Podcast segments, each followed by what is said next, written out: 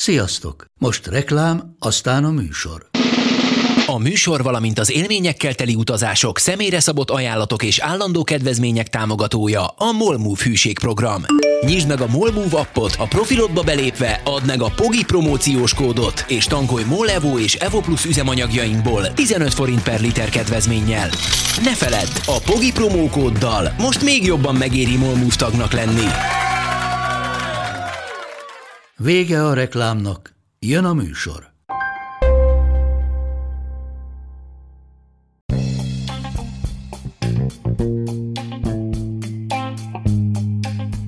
Ez itt a Pogi Podcast. Pogácsa Zoltán közgazdás, szociológus, politikai gazdaságtani podcastja a globális gazdaságról a klímaválság, az automatizáció, a digitális gazdaság, az egyenlőtlenségek és a posztdemokrácia korszakában. Ma nem leszek hosszú a bevezetővel, feltétel nélküli alapjövedelemről lesz szó a mai adásban. Régóta kértétek, feltétel nélküli alapjövedelem.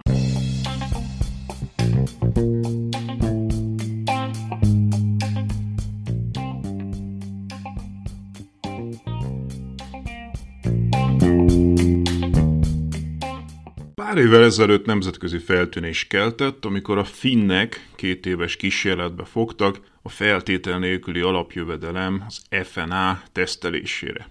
A mindenkinek alanyi jogon járó állami juttatással kapcsolatos viták sokáig elméleti síkon folytak, a modell ténylegesen tesztelni csak nyugati kisvárosok, mint például a hollandiai Utrecht merték, de próbálkoztak vele nagyon elzárt vidékeken, Namíbiában, India rurális térségeiben is, az ellenzőknek könnyű alapot adva arra, hogy elutasítsák az úgymond más kultúrájú közegben levont következtetéseket.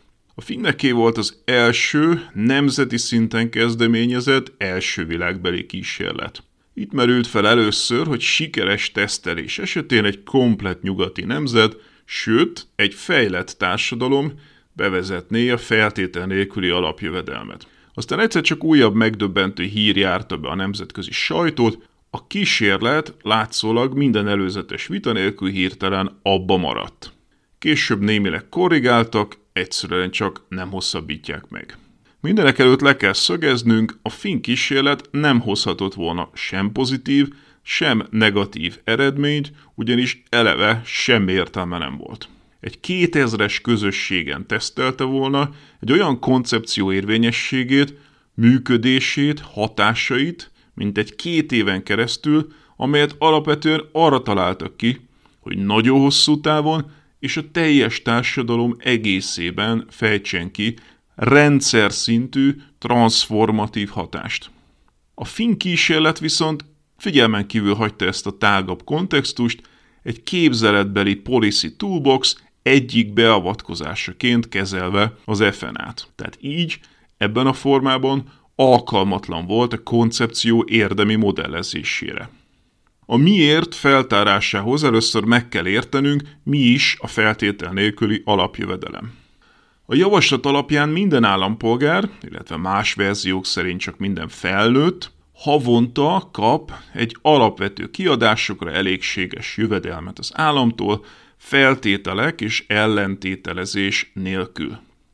A juttatás célja, hogy megteremtse az állampolgárok alapvető biztonságát.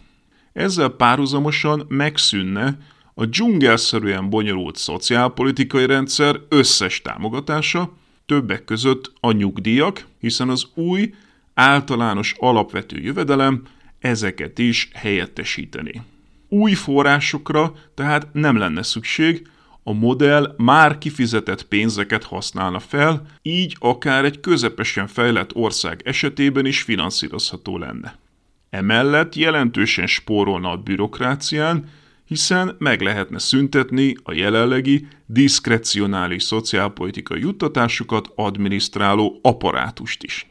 Ezen felül javulna az átláthatóság. Egyrészt, mivel nem lehetne klienseket favorizálni, hiszen a juttatás mindenkinek alanyi jogon jár, másrészt pedig minden állampolgáról elmondható lenne, hogy biztosított az alapvető fizikai és szociális biztonsága, saját sorsáért tehát ő maga felelős.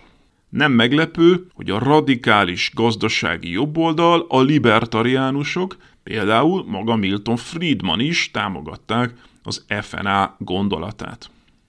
A finn kísérlet azt sejteti, hogy az FNA ugyanolyan, mint bármely más szociálpolitikai intézkedés. Kis mintán tesztelik, aztán, ha hasznosnak bizonyul, országos szinten is bevezetik. Az FNA koncepció azonban nem egyszerűen egy újabb szakpolitikai lépés akar lenni, a meglévő szocpol eszköztár további eleme, hanem gyökeresen, mondhatnánk, rendszerszerűen kívánja átalakítani az emberi kapcsolatokat a munkavilágában, magát a munka fogalmát, sőt, végső soron azt is, hogy mit gondolunk az emberről, annak motivációiról, kreativitásáról, humánumának lényegéről.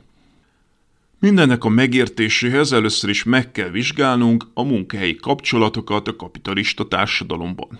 Kiinduló pontunk az lehet, hogy az ilyen társadalmakban egyesek, tőketulajdonosok, azaz részben vagy egészben övék a vállalat. Vagy közvetlenül, vagy menedzsereik útján hatalmat gyakorolnak a munkavállalók felett, akik azért kénytelenek náluk dolgozni, mert nekik nincs megfelelő mennyiségű tőkéjük ahhoz, hogy maguk is vállalat tulajdonossá váljanak. A munkavállaló tehát kénytelen valahol munkát vállalni, hiszen ha nem teszi, képtelen lesz visszafizetni a hiteleit, eltartani magát és családját, és idővel az utcára kerül. A kapitalista társadalmakban a munka tehát kényszer. A munkaadó fizikailag rendelkezik a munkavállalóval, korlátozza abban, hogy hol tartózkodhat és ott mit csinálhat.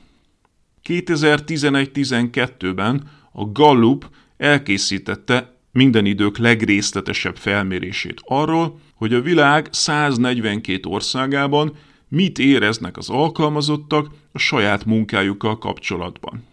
Az eredmények szerint a munkavállalók 87%-a nem élvezi, amit a munkahelyén csinálnia kell.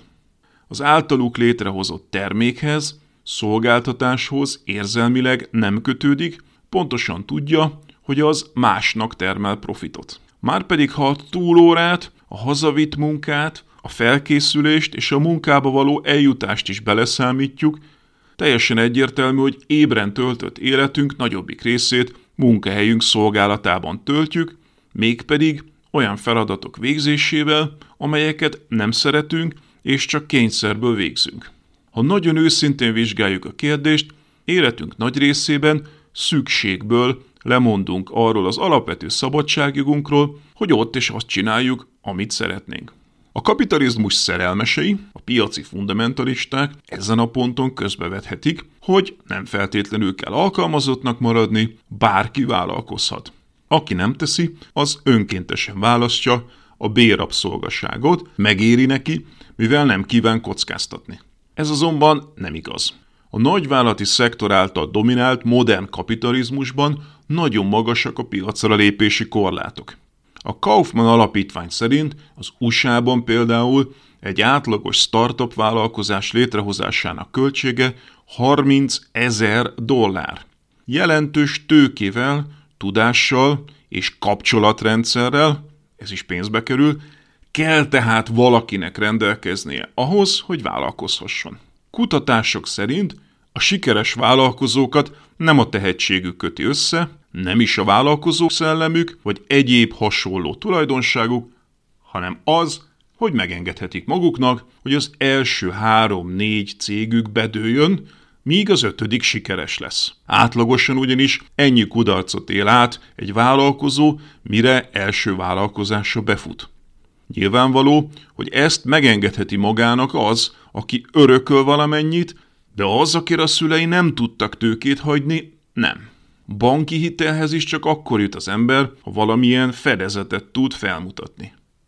Nem véletlen, hogy a Global Entrepreneurship Monitor szerint az új vállalkozások tőkéjének több mint 80%-át saját vagy rokoni kölcsön fedezi. Az öröklés tehát a kapitalizmus meghatározó logikai eleme, Márpedig az elmúlt évtizedekben a neoliberalizmus leépítette az örökösödési adókat. A másik lehetőség az lenne, ha az alkalmazott béréből összegyűjti a vállalkozásra valót. Ehhez azonban megfelelő bérek kellenek. Ismert módon a kapitalizmus korai, Dickensinek is becézett korszakában a munkások bérei épp hogy fedezték a megélhetést, de sokszor még csak az sem. A főáramú neoklasszikus közgazdaságtan, szemben a Keynesiánussal és más iskolákkal, ellenzi a minimálbért, azaz elviekben is támogatja, hogy ne legyen alsó korlátja a bérszínvonalnak, így az akár az egészség vagy a társadalmilag elfogadott életvitel fenntartásához szükséges megélhetési minimumszint alá is mehessen. Thomas Piketty, a híres francia közgazdász a Tőke a 21. században című munkájában kimutatta, hogy a gazdaságban megtermelt hozzáadott értékből tisztességesen magas béreket csak a második világháború utáni időszakban a jóléti államok korszakában fizettek a munkavállalóknak.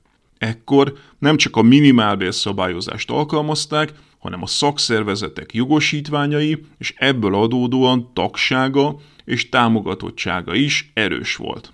Az egységesen fellépő munkavállalók pedig a hozzáadott érték magasabb hányadát voltak képesek saját maguk számára kikényszeríteni, természetesen a profit kárára.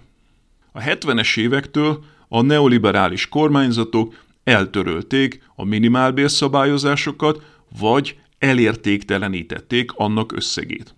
A szakszervezetek jogosítványait és finanszírozását drámaian meggyengítették. Piketty francia, brit és amerikai adatokon keresztül mutatja be, hogy a munkavállalók béraránya a megtermelt hozzáadott értéken, a GDP-n belül ekkor ismét csökkenésnek indul. Dumenil és Levy még érdekesebb eredményre jut. A teljes bértömeget megbontva azt találják, hogy a neoliberalizmus évtizedeiben, 1975-től 2008-ig, a magas jövedelmű menedzserek bérei az egekbe szöknek, azaz ők a növekvő profitarány zsebretévő tőke tulajdonosok szövetségeseivé válnak, míg az alsó 95% béraránya még radikálisabban zuhan ismét kialakul a dolgozó szegények széles rétege, akiket standing nyomán prekariátusnak nevezünk. A diákmunkások, a gyakornokok, a szezonálisan vagy feketén foglalkoztatottak, a kölcsönmunkaerő, az alkalmi vagy részmunkából élők, TB nélküli vendégmunkások, kényszervállalkozók, projektről projektre foglalkoztatottak, szabadúszók. Különösen rosszul érinti ez a folyamata nőket, akiknek nem csak munkahelyi pozíciója gyengébb, de akikre az otthoni ápolás és gondoskodás a munkaerő újratermelésének feladata is hárul, valamint a diszkriminációt elszenvedő idősebb munkavállalókat és a megkülönböztetett kisebbségek tagjait.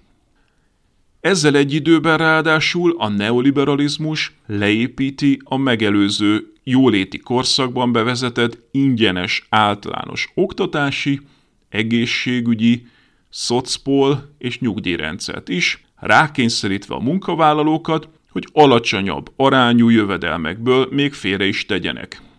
A tőke tulajdonlása tehát egyre inkább egy szűk réteg, az elsősorban öröklésre alapozó, Piketty kifejezésében élve, szupergazdag családok kiváltsága lesz. Ők jövedelmeik jelentős részét offshore csatornákon keresztül az adórendszer elől is eltitkolják. A munka világában a társadalmi viszonyok tehát bebetonozódnak, leáll a társadalmi mobilitás. A kizsákmányolók kizsákmányolók, a kizsákmányoltak kizsákmányoltak maradnak. Nem csak a bérek, de a munkakörülmények, a munkahelyi biztonság is romlik. A feltétel nélküli alapjövedelem ezen az igazságtalan rendszeren hivatott javítani, anélkül, hogy a szélső bal által várva várt, de soha el nem jövő antikapitalista forradalmat kellene megvárnunk. Alapvetően két nagy csoportnak ad támogatást. Azoknak, akik munkában állnak, és azoknak, akiknek nincs munkájuk. Azaz a társadalom többségének, kivéve a tőketulajdonosokat és a magas fizetésű menedzseri, politikus, stróman, celeb, stb. réteget. Vegyük sorra, hogyan történik ez. Először is azok, akik már alkalmazásban állnak, az FNA bevezetése után a főnökeikkel szemben sokkal erősebb alkupozícióba kerülnek. Gondoljunk csak bele, ha a munkavállalók bizton számíthatnak rá, hogy akármikor hagyhatják őket megalázó főnöküket, értelmetlen és kiszipolyozó munkájukat, sokkal nagyobb magabiztossággal lépnek fel a munkahelyükön. Az elmúlt évtizedekben összeroppant szakszervezetek ismét megerősödhetnek, hiszen a foglalkoztatottak erélyesebben léphetnek fel, akár sokkal magasabb béreket követelve maguknak. Ahogy azt Thomas Piketty vagy a Nemzetközi Munkaügyi Szervezet is bemutatta, gyenge szakszervezet egyenlő alacsonyabb bér, erős szakszervezet egyenlő magasabb bér. Az FNA bevezetése utáni szakszervezeti erősödés tehát sokkal jobb minőségű, tiszteletteljesebb és magasabb bérezésű munkahelyeket eredményezne, a munkahelyi légkör általános javulását, valamint közelebb kerülnénk a munkahelyi demokrácia kívánt állapotához. Az FNA-val tehát nem csak azok járnak jól, akiknek nincs munkajövedelmük, hanem azok is, akik dolgoznak. Ezen a ponton megegyeznénk, hogy álláspontunk szerint a munkában állóknak nem kellene FNA-t kapniuk, csak azoknak, akiknek nincs munkája. Egyrészt azért, mert a bérek ilyetén állami megtámogatását a tapasztalatok szerint a cégek egyszerűen lenyelik. Ennyivel lassabban növelik a béreket. Ráadásul, ha nem kell adni ezt a juttatást, amely tehát ténylegesen inkább az erre nem rászoruló vállalkozót támogatja, akkor a teljes FNA költségvetés radikálisan csökken össznemzeti szinten, azaz bőven megengedheti magának már egy közepesen fejlett ország is. Nem csak a gazdag Finnország, de akár Magyarország is. A finn kísérlet is ezt a logikát követte, 25 és 58 év közötti munkanélkülieknek adott havonta 560 eurót. Nem volt elvárás a munkakeresés, igaz, az is kapta tovább a támogatást, aki közben munkaviszonyt létesített. Ez utóbbi miatt egyébként még értelmezhetetlenebbé vált a kísérlet. Nyilvánvalóan jobban jár az FNA-val az, akinek nincs munkája. A munkanélküliekkel kapcsolatos viták már évtizedek óta egyfajta morális síkon zajlanak, a gazdasági szélsőjobb nézetei szerint munka mindig akad, aki nem dolgozik, az nem is akar, tehát lusta, magára vessen. A szociáldemokrata álláspont szerint viszont a piacgazdaság működésének része, hogy bizonyos periódusokban vagy az ország hátrányosabb helyzetű térségeiben akár tartósan nincs munkalehetőség. Ráadásul a megélhetést is biztosító munka képesítést, végzettséget igényel, a munkába jutáshoz pedig közösségi közlekedésre van szükség. Ezen kívül sokan otthon ápolt családtagjaik miatt nem vállalhatnak munkát, és még sorolhatnánk. Ismert jelenség, hogy tartós munkanélküliség esetén leépül az egészség, a pszichoszociális integritás, szenvedélybetegségek és depresszió üti fel a fejét, az önértékelés csorbát szenved, a kapcsolatrendszer leépül. A tartósan munkanélküli polgár tehát a gazdaság egész szempontjából sem marad a társadalom hasznos tagja, sőt, deviánssá válhat. Így a munkanélküliek munkaképességének megőrzése közösségi érdek is. Ezért alakult ki a jóléti állam időszakában a munkanélküli segély és a többi szociális jövedelem. A feltétel nélküli jövedelem ezeket váltaná fel alanyi jogon és univerzálisan. Hogy alapvető, megfelelően magas, de nem túlzottan magas összeget FNA formájában mindenki megkaphatna, a társadalom biztosítaná az egyén számára a munkaképesség és a személyes integritás megőrzéséhez szükséges alapfeltételeket. Ezek után a piaci liberálisok is joggal kérhetnék rajta számon, hogy megtesz mindent saját sorsának javításáért, hiszen a közösség a maga részéről már megtette a magáét, védőhálót feszített ki alá. Értelmetlen tehát azoknak FNA-t adni, akik már munkában állnak. Teljesen világos, hogy a munkaadójuk ezt az összeget lenyeli. Pontosan annyival fogja csökkenteni a béröket, amennyi az FNA összege. Jól látszik ez a híres Walmart filmben, ahol amikor egy amerikai állam bevezet egy támogatást a kis jövedelműeknek, a masszívan nyerességes szupermarketlánc összehívja a durván alulfizetett munkásait, és kötelezővé teszi nekik, hogy a támogatásra bejelentkezzenek. Nettóban a profit szponzorálása, aminek semmi értelme. FNA csak azoknak érdemes adni, akiknek nincs munkája. Így például a magyar esetben a párbeszéd párt FNA javaslata sem 3400 milliárdba kerülne, csak ennek töredékébe. Közvetlen módon így is támogatnánk a munkában állókat, hiszen azok sokkal nagyobb magabiztossággal alakítanak szakszervezetet, és követelnek maguknak magasabb béreket, ha esetleges kirúgásuk esetében az alternatíva nem a létbizonytalanság, hanem a létpénz. A feltétel nélküli alapjövedelemmel kapcsolatban elhangzó leggyakoribb ellenérv, hogy az úgymond ingyen pénz kontraproduktív, eltunyulnak a polgárok, ha munkanélkül jutnak jövedelemhez. Ez az ellenvetés olyan kérdések végig gondolására kényszerít minket, hogy az ember alapvetően jó vagy rossz-e, mi a nevelés szerepe, hogy mi a munka, és mi a különbség a kreatív és a megélhetési kényszerből végzett foglalatosságok között. A vita alapja a neveléssel kapcsolatos nézetek különbségeiben keresendő. A hagyományos nevelési minta a szigorú apa képét veszi alapul, ahol azt feltételezzük, hogy fegyelem, szabályok, felelősségre vonás nélkül a gyerek lusta és haszontalan felnőtté válik, aki nem állja meg a helyét egy kegyetlen és veszélyes és atomizált világban. Ezért az embereket kemény kézzel kell tartani, és felülről lefelé irányuló szabályokkal rá kell őket szorítani arra, hogy a társadalom hasznos tagjai legyenek. A világban a dolgok egyértelműen jók vagy rosszak, a döntés az egyén kezében van. A jó ember megtanulta, mi a jó és mi a rossz, alkalmazkodik és szorgalmasan, morálisan élve prosperál bármely helyzetben. A rossz ember lusta, henye, ezért magára vessen, ha elszegényedik. Ebben a gondolati világban immorális az embereknek szociális támogatást adni, amelyet nem érdemeltek meg, amelyért nem dolgoztak meg, mert nem fejlődik ki az önfegyelmük, másoktól függővé válnak és erkölcstelenni. Társadalmi juttatás, tehát pazarlás, mindenki képes a megélhetésre, ha nem kényelmesíti el a szociális juttatás.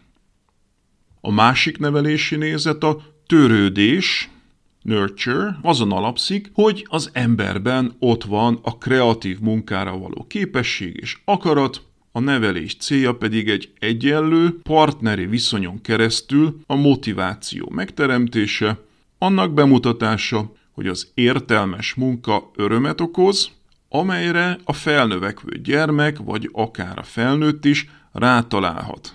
Lusta ember nincs, csak olyan, akinek nem mutatták meg az értelmes, motiváló munkát. Ezen nézet szerint a külvilág nem tökéletesen struktúrált, nem versenysemleges, hanem igen komoly kényszerek hatnak ránk, amelyeket egyedül, segítség nélkül képtelenek vagyunk meghaladni.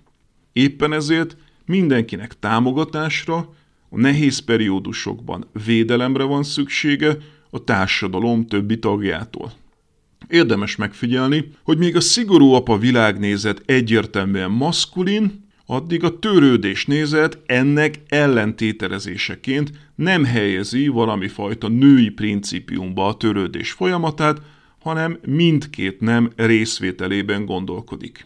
A szülők közös feladata, hogy törődve neveljék fel gyermeküket, hogy azok is más emberekkel törődő felnőttekké válhassanak.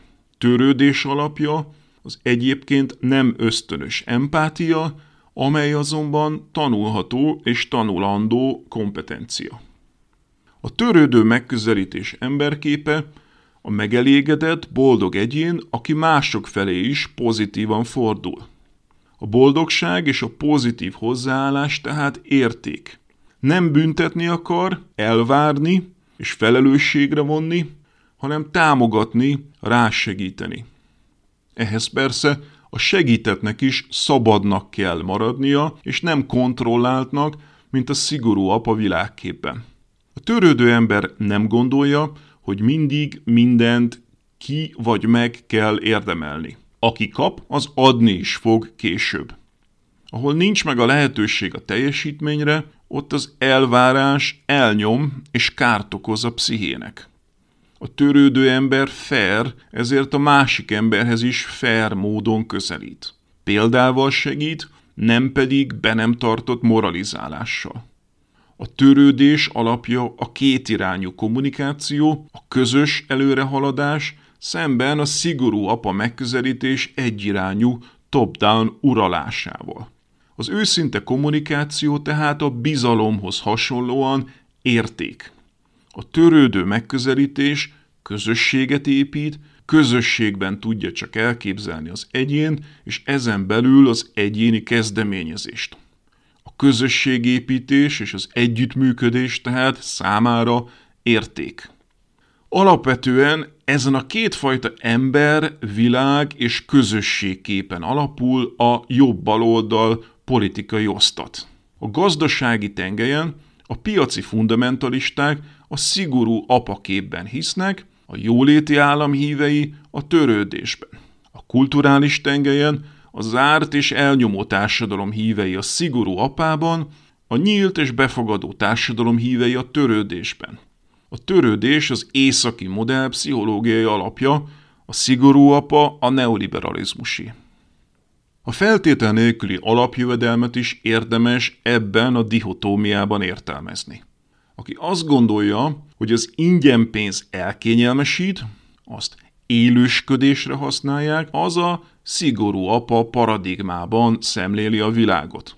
Úgy látja, az emberek alapvetően rosszak és lusták, produktívvá, proaktívvá, a közösség hasznos tagjává csak a kényszer teheti őket. A törődő hozzáállás hívei viszont az FNA-t a lehetőség megadásának látják. Az ember nem arra teremtetett ugyanis, hogy cél nélkül vegetáljon egy a fizikai megélhetéshez éppen elégséges szinten. Előbb-utóbb hasznos és értelmes feladatot fog keresni magának. A jól kalibrált FNA csupán alapszükségleteket elégít ki, így az emberek dolgozni akarnak majd ám csak olyan érdemes munkára kaphatók, amely van annyira jövedelmező, hogy a minimálisnál magasabb szükségleteiket, sőt vágyaikat is kielégíthessék, például technikai eszközök, vagy nagyobb lakás, kertvásárlása, gyereknevelés, utazás, szórakozás. Ezekre már az FNA pénz nem lenne elég, így céljaik eléréséhez munkát kellene vállalniuk, de az addigiaknál jóval értelmesebb munkát, éppen az FNA szélesebb hatásai miatt, ahogy azt fentebb részleteztük, az FNA-t mint alternatívát biztosan és hosszabb távon maguk alatt tudók nem fognak értelmetlen és megalázó munkákat elvállalni.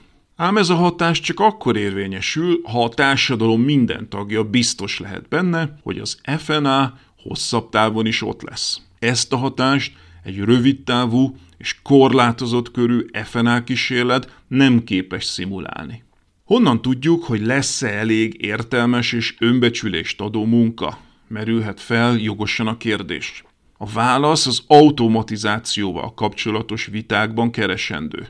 Már a 19. században is felmerült, hogy a gépesítéssel az emberi munkahelyek fokozatosan eltűnnek, és a társadalom nagy része megélhetés nélkül marad. Hogy ez nem lett így, az alapvetően a hatalmas szolgáltató szektor létrejöttének, valamint a jóléti államnak köszönhető. Az ipari munkahelyek ugyanis a munkapiac negyedére, a mezőgazdasági munkák még ennél is kisebb arányra szorultak vissza.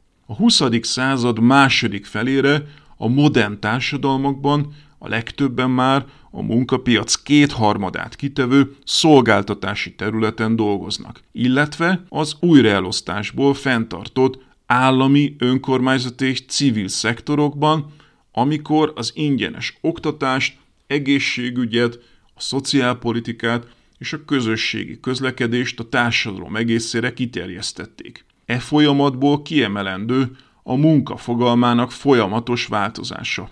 Sok 20. századi állás a 19. században vagy egyáltalán nem is létezett, például szociális munkás, metróellenőr, programozó, vagy nem tartották munkának, például ovónő, pszichológus, idős gondozó. A háztartások feladatai közé sorolták. A jóléti állami korszak teljes foglalkoztatottságát illetve korunk még mindig magas foglalkoztatási szintjét az ipar technológiai fejlődésével, az automatizációval szemben csupán azért voltunk képesek fenntartani, mert olyan feladatokat kategorizáltunk be, vagy át megélhetést jelentő munkává, amelyek korábban nem tartoztak oda. Ez a folyamat manapság is folytatódik, sőt, gyorsul. Az automatizáció a kutatások szerint a következő évtizedekben szinte minden olyan munkahelyet megszüntet, amely rutinizálható, legyen az kék vagy fehér galléros. A fizikai munkák többségét tehát robotok és algoritmusok fogják végezni. Ebben a kontextusban nem meglepő, hogy sok technológiai vezető, így például Mark Zuckerberg is az FNA híve. Ami az ember számára megmarad, az a magasabb hozzáadott értékű munka, ezen belül is elsősorban az úgynevezett rózsaszín galléros, embertől emberig típusú munkahelyek.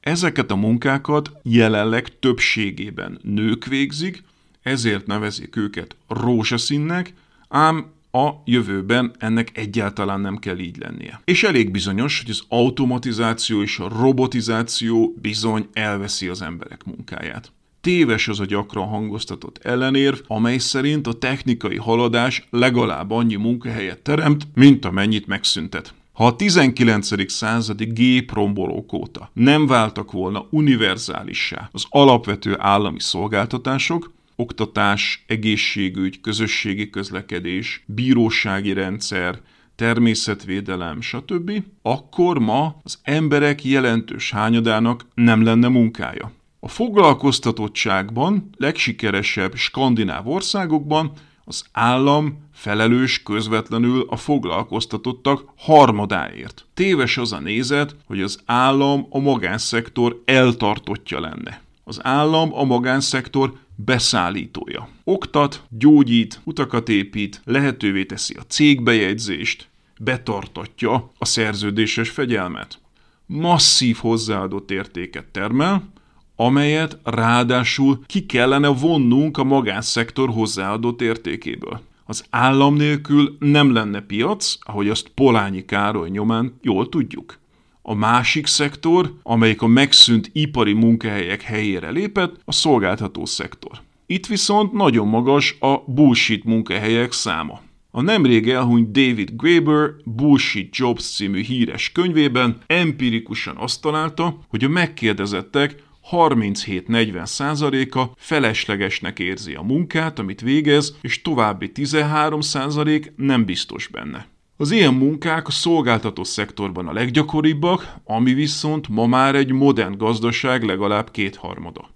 Az állam és a bullshit munkahelyek nélkül már ma is durva a foglalkoztatási válság lenne. A robotok és algoritmusok előretörésével pedig egész biztos, hogy az lesz. 2019 talán legviccesebb címadása a következő volt. Az Adidas kínai robotjai elveszik az európai robotok munkáját. Állásból tehát nem lesz elég, erről számtalan empirikus tanulmány szólt az elmúlt évekből. Ezzel korunk kapitalizmusának alapdilemmájához érkeztünk.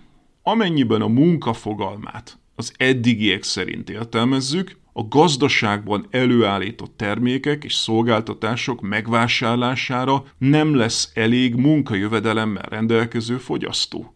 Ideig óráig ez magán és államadóság generálásából pótolható, ahogyan azt a világgazdaságban jó ideje megfigyelhetjük.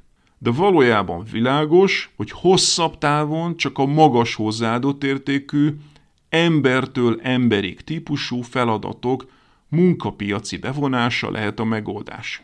Nem kamu munkahelyekről van itt szó, hanem olyan nagyon is szükséges területekről, mint az idős és gyermekgondozás, az egészségápolás, az emberek pszichoszociális egyensúlyának megőrzése, a kreativitás fejlesztése. Azaz többségében olyan értelmes, emberi kapcsolódás lehetővé tévő, hasznos célt és kötődést adó munkahelyekről, amelyek közben élhetőbbé, harmonikusabbá, egyenlőbbé teszik a társadalmunkat, a sokkal több, majdnem, hogy mindenki számára hozzáférhető idős gondozóval, pszichológussal, speciális nevelőtanárral, jogaoktatóval, stb. Ezeknek a munkahelyeknek a többsége csak úgy finanszírozható, ha azt társadalmi újraelosztás támasztja alá. A jövedelmek jelenlegi koncentrációja mellett az emberek nagy része nem engedheti meg magának ezen szolgáltatásokat. Vagyis az állam kénytelen lesz bővíteni az általa finanszírozott állások körét. Ekkor viszont megalapozottnak tűnhet a kétszintű rendszer, azok, akik nem dolgoznak, egy alapfokú megélhetést adó, feltétel nélküli alapjövedelmet kapnának, az állam által finanszírozott, értelmes, rózsaszín munkahelyet betöltők pedig egy magasabb szintű bért. Érdekes módon tehát ezen a ponton összeér az FNA és az állami keresletbővítés kényszi gondolata. A 2008-as válság óta a jegybankok úgy próbálták fenntartani a keresletet a gazdaságban, hogy olcsó pénzt bocsátottak a kereskedelmi bankok rendelkezésére, amelyek azonban válság idején nem nagyon hiteleznek, hiszen kénytelenek szigorítani addig kockázatos hitelnyújtási gyakorlatukat. A jegybankok ekkor közvetlen módon vállalati kötvényeket kezdenek el vásárolni, ami viszont elképesztő módon eltorzítja a piacgazdaságot. A jegybanknak nyilván nem lehet feladata, hogy tulajdonossává váljon az elvileg magángazdaságnak.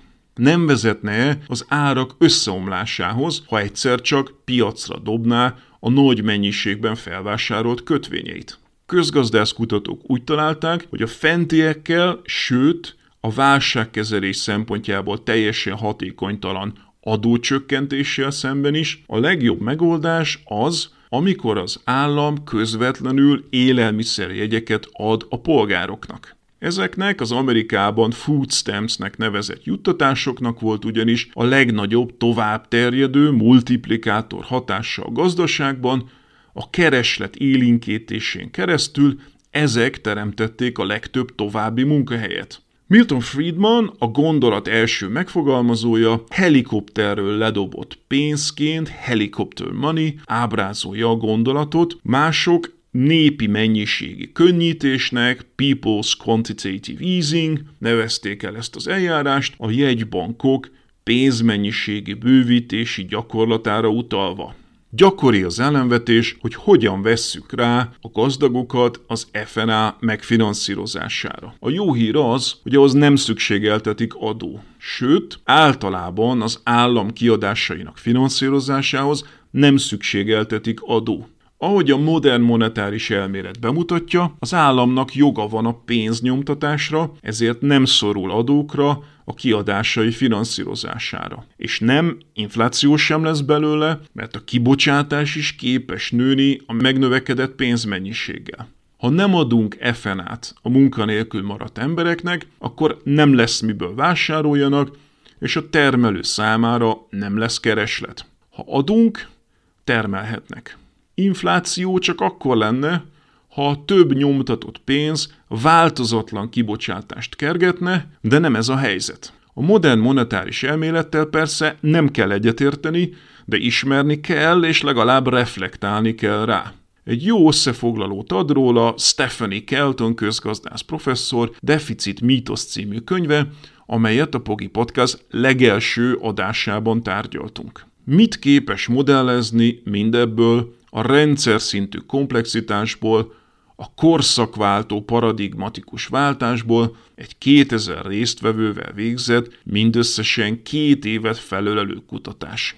Semmit se nem elég széleskörű, se nem elég hosszú távú ígéret ahhoz, hogy az említett folyamatok a munkapiacon beinduljanak. Egy két éves ígérvényért nem konfrontálódunk a munkahelyünkön, 2000 ember pedig kevés rendszer szintű változások beindításához. Egy ilyen szűken megtervezett kísérlet azt a benyomást erősíti a külső megfigyelőben, hogy az FNA dilemma lényege, hogy dolgoznak-e mellette az emberek, nem pedig az, hogy milyen munkát végeznek és mennyiért. Azaz a kísérlet fókuszát, az FNA lehetséges értelmezési keretét eleve beszorítja a ma létező, alapvetően konzervatív, kizsákmányoló és elnyomó munkahely és munkapiac világába. Aki tehát a finn FNA kísérletet kezdeményezte, az vagy nem értette annak mélyebb aspirációit, vagy tudatosan diszkreditálni próbálta. Olyan, mintha egy apró akváriumban kívánta volna tesztelni a végtelen óceán folyamatait.